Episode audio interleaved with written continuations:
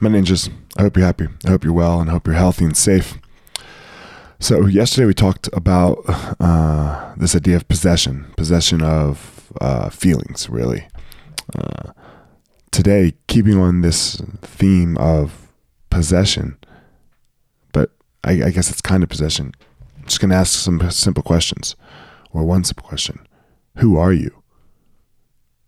Who and who and what are you? Think this is an important question, both of them, especially the who are you piece. What def- what defines you? Like for me, what what defines Elliot? These are good things to think about. These are good answers to come up with.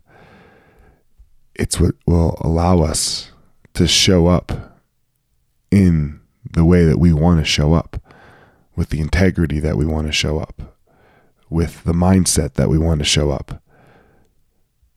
Do we know who we are? And if not, what do you do about it? You have to put some thought to it. It's it's just thought. Get a pen and st- and start writing down.